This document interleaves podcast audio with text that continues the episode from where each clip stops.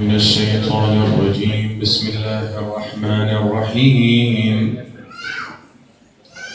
وصلى الله على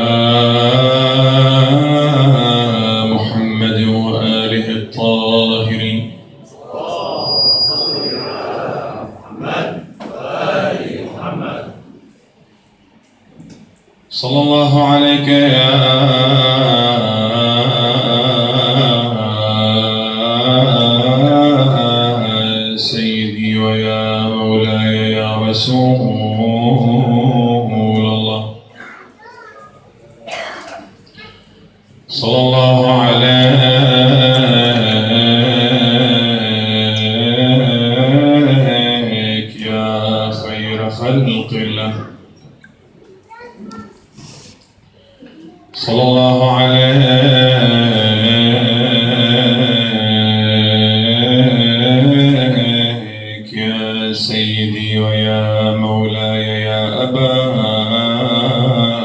عبد الله يا رحمة الله.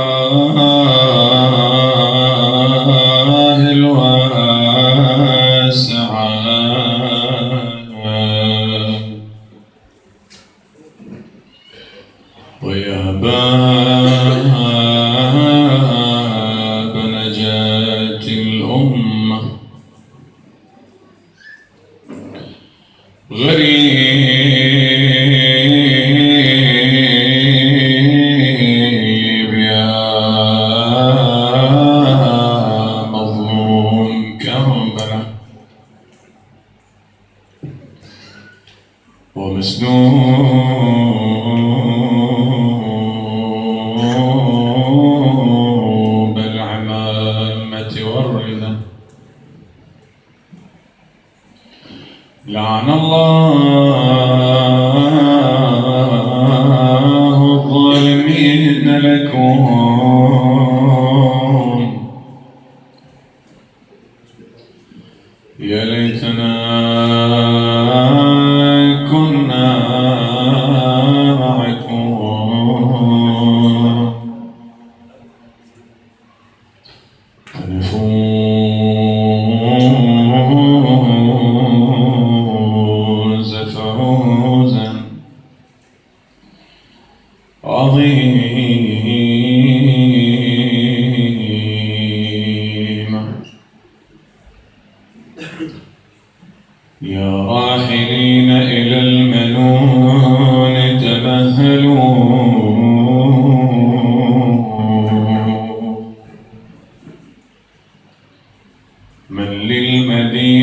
بَعْدَكُمْ إِنْ تَرْحَلُوا.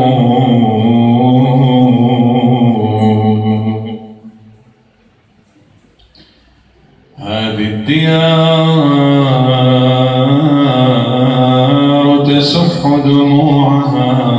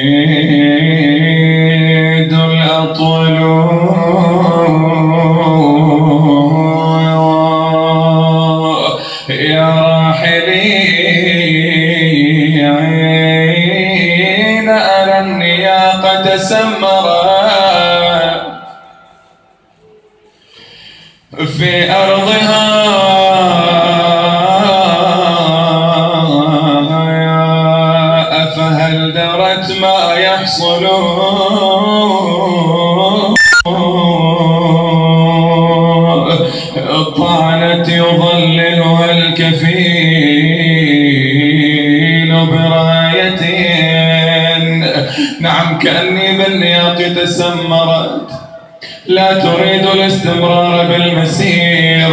هل أنها تدري ما يحصل على الحسين؟ وعلى عيال الحسين. ضعناها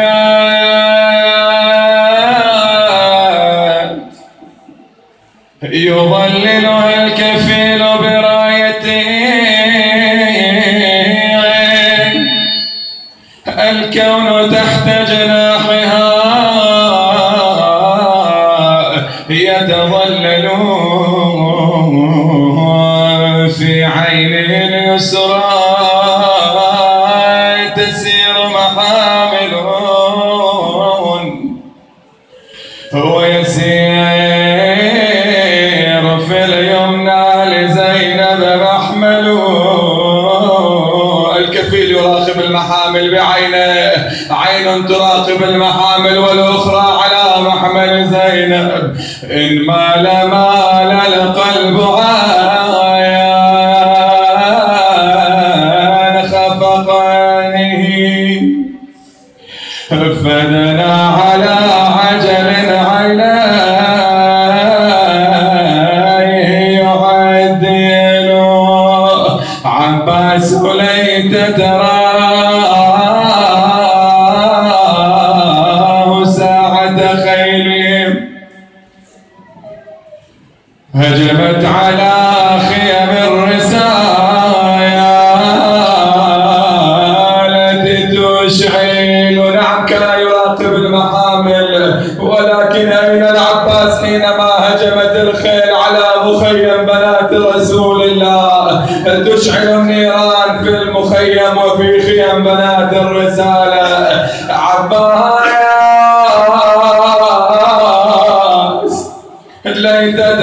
وساعة خيل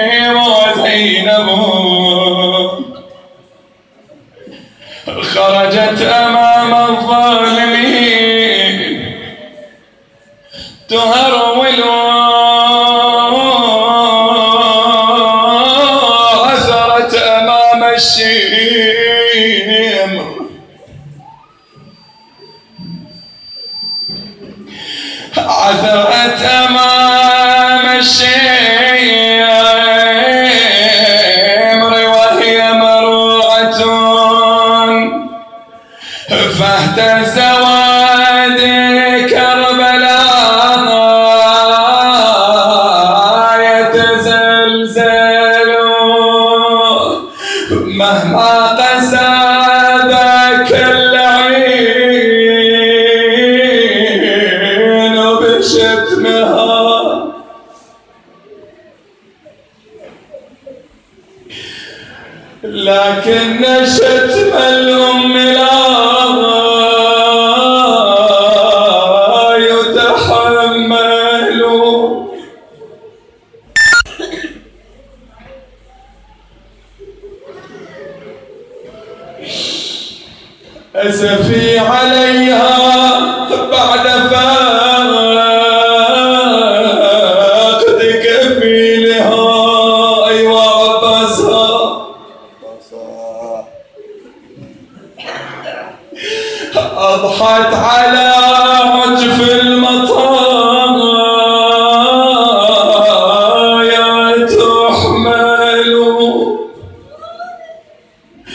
يبكي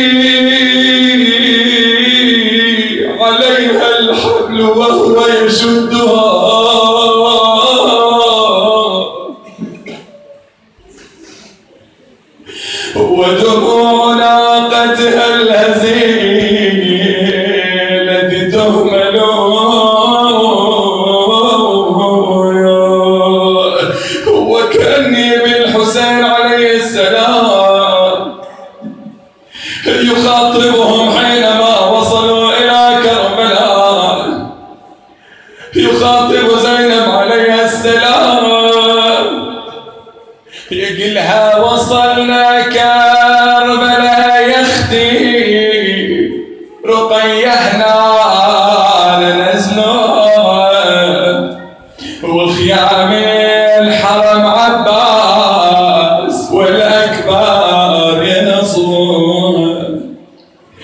قبض قلبي العقيل بسار من قالوا اسمها القاع حينما ذكروا اسم هذه الأرض انقبض قلب العقيلة زينب. شافت بالخيال دموم وعطش طفلة وقلب مرتاح. شافت كان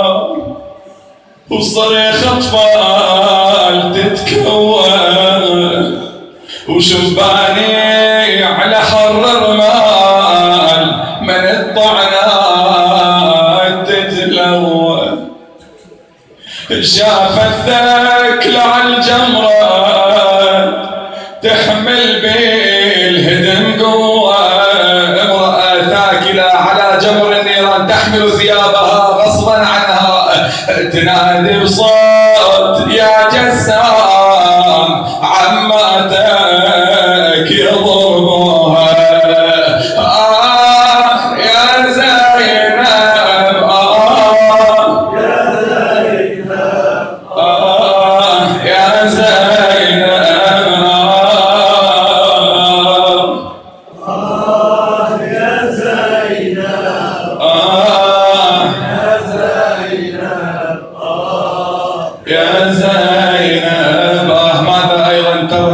سلام الله عليها.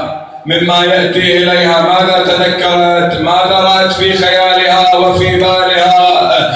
تدير العين لأنها تشوف رضي عني العطش ينحل علامة الأبو ذبحوه من دم رقبته يشرب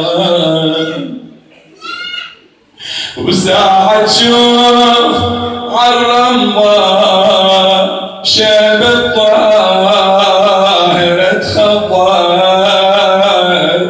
العزيز حسين.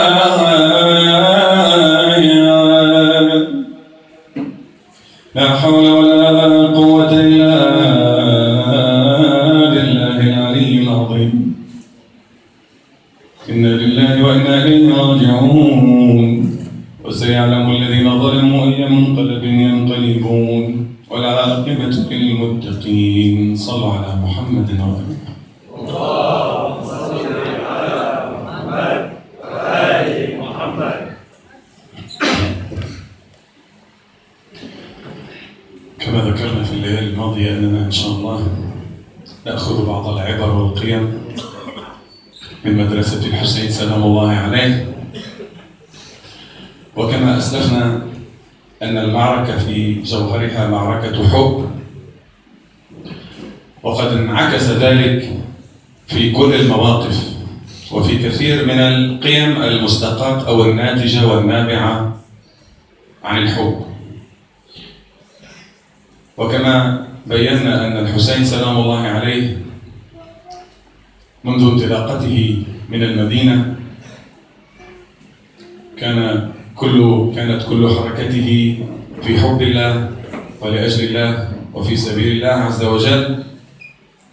فإنه من الطبيعي أن تنعكس رحمة ورأفة. تجلت هذه الرحمة وهذه الرأفة في مواقف عدة. وفي كلمات عدة للحسين سلام الله عليه.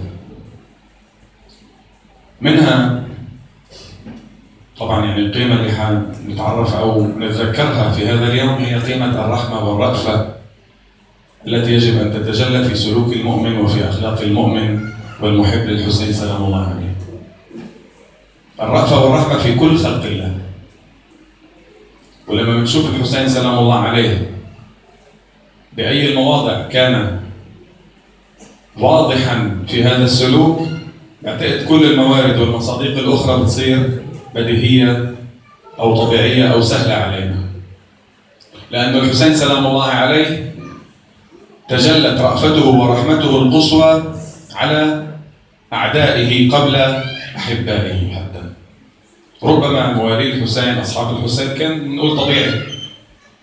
طبيعي إنه يحبهم طبيعي يعطف عليهم طبيعي إنه يبكي عليهم. لكن عندما نرى أن الحسين سلام الله عليه وبعد أن مضى من مكة إلى العراق متوجها نحو الكوفة كان قاصد الكوفة بالأصل وكما تعلمون أن الحر بن يزيد الرياحي بأمر من عبيد الله بن زياد توجه بجيش من ألف فارس أو من ألف رجل لملاقاة الحسين عليه السلام ومنعه من دخول الكوفة. تقول الرواية أنه أول ما التقى الحر ومعه جيشه. بالحسين سلام الله عليه كان جيش الحر ينقصه الماء. وكانوا الجنود والفرسان عطشانين والخيول أيضا. فما كان من الحسين سلام الله عليه إلا أن أمر أصحابه ومن معه بأن يسقوا جيش الحر. فقال لهم اسقوهم ورشفوا الخيل ترشيفا يعني مش بس اسقوا البني آدمين حتى الخيول. وهذا مش لا من أصحابه ولا من الموالين له ولا جاي يقاتل معه. جاي يمنعه عن الوصول إلى هدفه. ولو كلفه ذلك بحسب الأمر. هلا الحر ما عملها. ولكن كان الأمر إنه لو لو اضطر إنه يقاتله كان ممكن. بس ممنوع يفوت على الكوفه فواجهه بذلك. ومثل ما بذكر دائما هذا السلوك ليس غريبا عليهم. فقبله أمير المؤمنين سلام الله عليه أيضا مع جيش معاوية عمل نفس الفعل. بعد أن كان منعه عن الماء أو منعه من الماء. ولاحقا بادلوه بنفس الطريقة. جيش عمر بن سعد منعوا معسكر الحسين عليه السلام من الماء. فاذا لم يمنعهم الماء بل على العكس. شوف الرأفة عند الحسين عليه السلام. والرحمة الإلهية التي تجلت في سلوك الحسين سلام الله عليه. حتى أيضا تجلت بمظهر آخر بهذا الموقف وكل المواقف التي تلته. كل مكان يلتقي بمجموعة توجهت لقتاله. أول ما كان يفعله هو أن يقف فيخطب بهم ويأمرهم بالمعروف ينهاهم عن المنكر يذكرهم بواجبهم تجاه الدين تجاه الله عز وجل بحقه عليهم. يحاول أن يهديهم يحاول أن ينقذهم من النار. شفقة عليهم رأفة بهم. خطب بالجملة يعني إذا بنقعد نعدها بناخذ يمكن أكثر من نص ساعة ساعة. إذا بنعدها الخطب اللي بس الإمام الحسين عليه السلام يقف في جنود الأعداء فيخطب ليستنقذهم من النار. ليستنقذهم من النار. وليلقي الحجة عليهم ويتم الحجة. عشان ما واحد يروح ومش عارف حاله لوين رايح. أيضا هذا من أبرز موارد الرأفة والرحمة من الإمام ومن اللطف الإلهي طبعا. وتكلل كل ذلك بالموقف المعروف للإمام الحسين عليه السلام وأختم بهذا الموقف واللي هو يعبر عن حقيقة الروح التي بين جنبي الإمام عندما يقف بينهم فيراه أحدهم يبكي. بعد كل هذه الخطب كل هذا الكلام كل هذا التوجه والمحاولات جماعة وفرادى وليل وكتار بعد كل هذه المحاولات رأى أحدهم الإمام الحسين عليه السلام يبكي.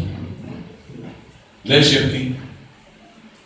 عندما سئل لماذا يبكي قال أبكي عليهم لأنهم سيدخلون بقتلي إلى النار.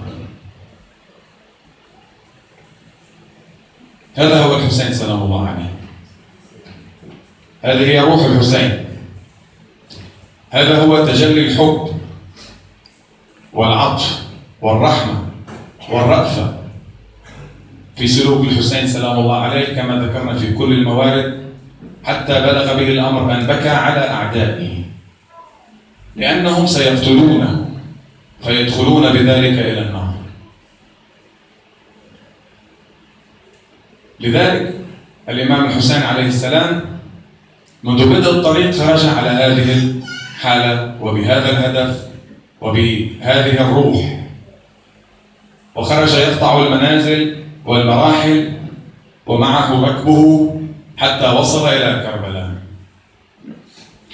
ينقل بعض أرباب المقاتل أن الحسين سلام الله عليه وركبه بينما هم يسيرون إذ وقف جواد الحسين عليه السلام ولم يتحرك. عندها سأل الحسين عليه السلام عن الأرض التي وقف فيها الجواد فقال له زهير بن القين إن هذه الأرض تسمى الطف. فقال عليه السلام هل لها اسم غيره؟ قالوا تعرف بكربلاء. فدمعت عيناه عليه السلام. وقال اللهم أعوذ منك بك من الكرب والبلاء. ها هنا محط ركابنا ومسفك دمائنا ومحل قبورنا بهذا حدثني جدي رسول الله وكأني بالحسين عليه السلام. يخاطب أخته الحارة زينب. يقلها أخويا يا زينب. لأرض الحزن جينا حضري ثيابي السود لبسيهم عنين يم الخدر يا أختي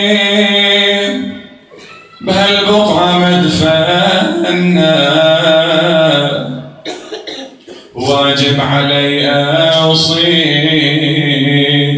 يا خويا واتمنى صبري بعد الروح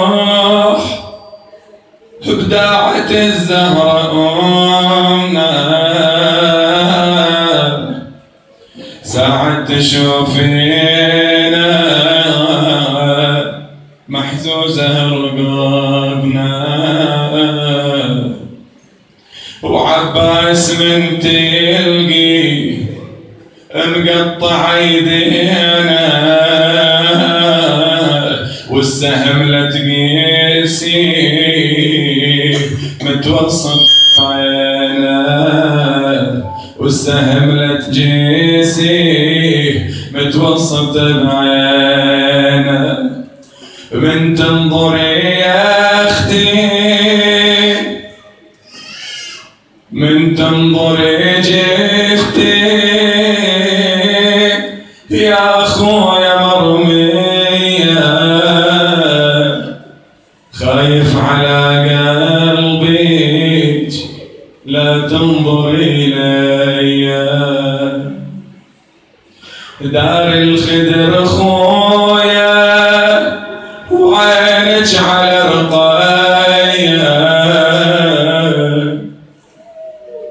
امسحي دمعاتها من تبكي علي امسحي دمعاتها من تبكي علي ولا لا جل خايف تجيني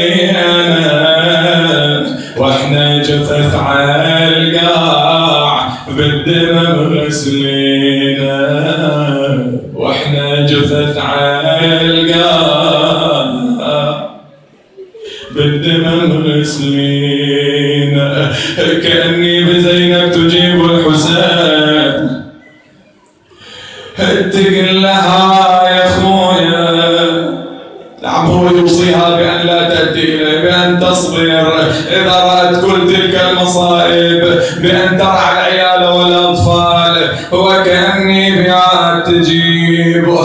تقول لها يا خويا.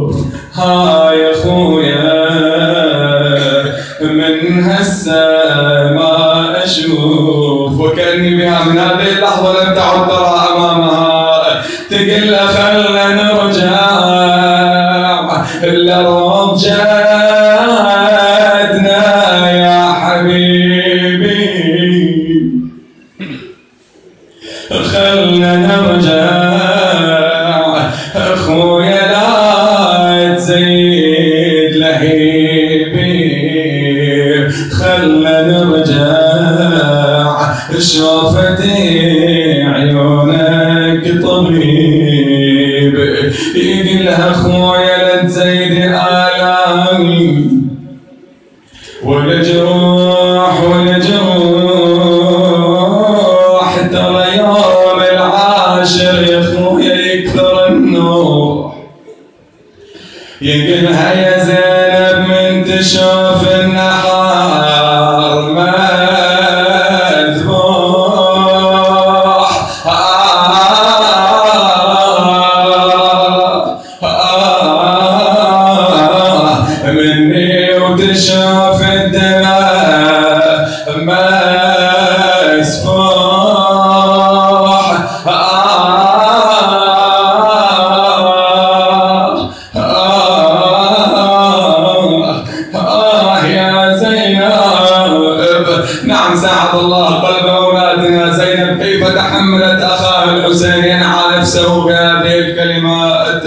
نعم أكيد انكسر قلبها وهي تسمعه يعدل هذه المصائب.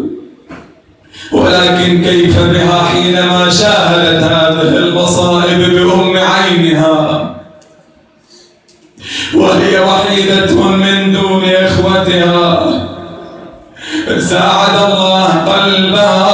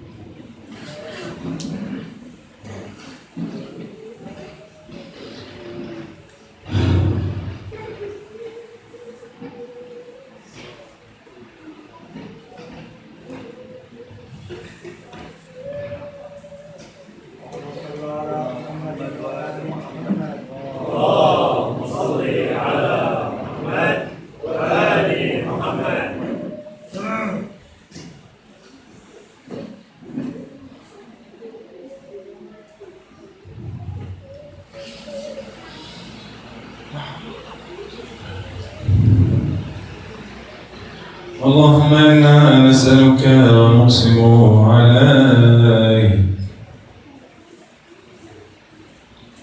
بالحسين وجدي وأبي وأمي وأخي وتسعة المظلومين من بني أن تصلي على محمد وآل محمد صل على محمد وآل محمد عجل فرج مولانا صاحب العصر والزمان واجعلنا من جند وأواني وأنصاره والذابين عنه والمستشهدين بين يديه يا الله. اللهم اغفر لنا ذنوبنا كفر عنا سيئاتنا تقبل أعمالنا يا الله. اللهم اقض حوائجنا حوائج الدنيا والآخرة لا سيما إخواني الحاضرين أخواتي الحاضرات وكل من أوصانا بالدعاء يا الله. اللهم انصر المجاهدين في سبيلك في كل مكان لا سيما مجاهدي المقاومة الإسلامية يا الله. اللهم احفظ علماءنا العاملين قادتنا الربانيين ولي أمر المسلمين يا الله. اللهم احفظهم بحفظك بيدهم بتأييدك سددهم بتسديدك يا الله. اللهم ارحم أمواتنا جميعا موتى الحاضرين أرحامنا المنسيين. العلماء الشهداء الأرواحهم جميعا نهدي ثواب ما قرأنا. مع ثواب السورة المباركة الفاتحة مع الصلوات